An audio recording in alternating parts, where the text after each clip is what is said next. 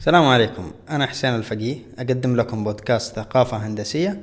البودكاست اللي يطرح مواضيع هندسية لعامة الناس الصغير والكبير بشكل عام ومبسط.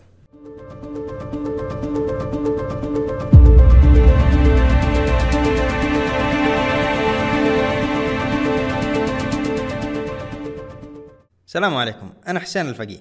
من زمان تدور في بالي فكرة إني أسوي بودكاست للهندسة. ولكن ما يكون حصريا مخصص للمهندسين يكون لعامة الناس الصغير والكبير والمهندسين وغير المهندسين كذلك الكل يبغى يفهم في الهندسة ليش؟ الهندسة موجودة في كل شيء في حياتنا الكهرباء اللي نستخدمها السيارات الجوال المفتاح اللي تشوفه قدامك علبة الموية كل ما يخطر على بالك محسوس ما طلع إلا عن طريق الهندسة. ما قد سألت نفسك في يوم من الأيام كيف يتم إنتاج الكهرباء؟ راح أعلمك بأبسط طريقة كيف تنتج الكهرباء. طبعا أنا مهندس ميكانيكا ودرست طريقة إنتاج الكهرباء في الجامعة وكمان تدربت في محطة توليد الكهرباء. بتقول كيف مهندس ميكانيكا وتشتغل في شركة الكهرباء؟ أنت مهندس ميكانيكا وهذه كهرباء. الموضوع جدا مختلف. المحطة فيها معدات ميكانيكية بشكل كبير. وتشتغل بطريقة ميكانيكية. طيب خليني أعطيكم شرح لإنتاج الكهرباء في دقائق معدودة. يتم إنتاج الكهرباء في السعودية بعدة طرق. من هذه الطرق المستخدمة في السعودية عن طريق البخار أو الستيم. في المحطة البخارية في أربع معدات رئيسية. راح أشرح كل معدة لحالها وكيف طريقة عملها.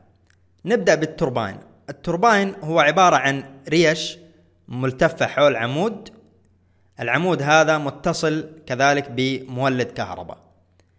في المعدة الثانية اللي هي المكثف المعدة الثالثة اللي هي المضخة والمعدة الرابعة اللي هي الغلاية. الغلاية نفس الغلاية اللي عندك في البيت لكن الغلاية اللي عندك في البيت تشتغل بالكهرباء.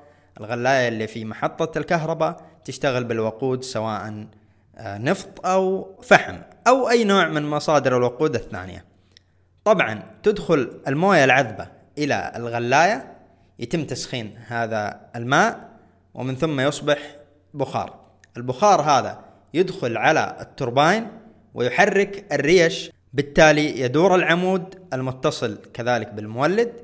البخار يخرج من جديد إلى المكثف المكثف يدخل عليه ماء يبرد البخار الداخل فيتحول إلى الحالة السائلة.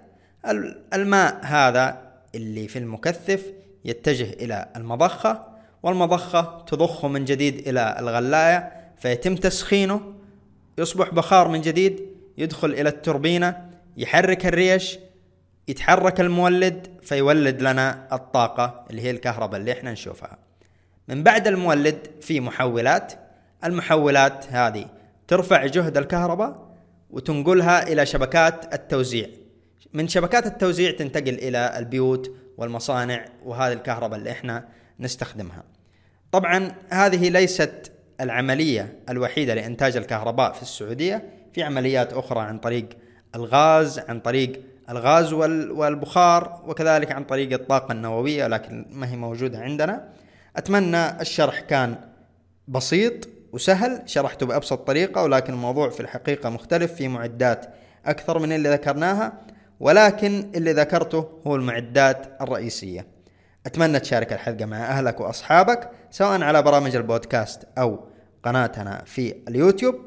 وللاقتراحات بالنسبة للمواضيع في الحلقات القادمة إن شاء الله راسلني على culture.eng@gmail.com يعطيك العافية.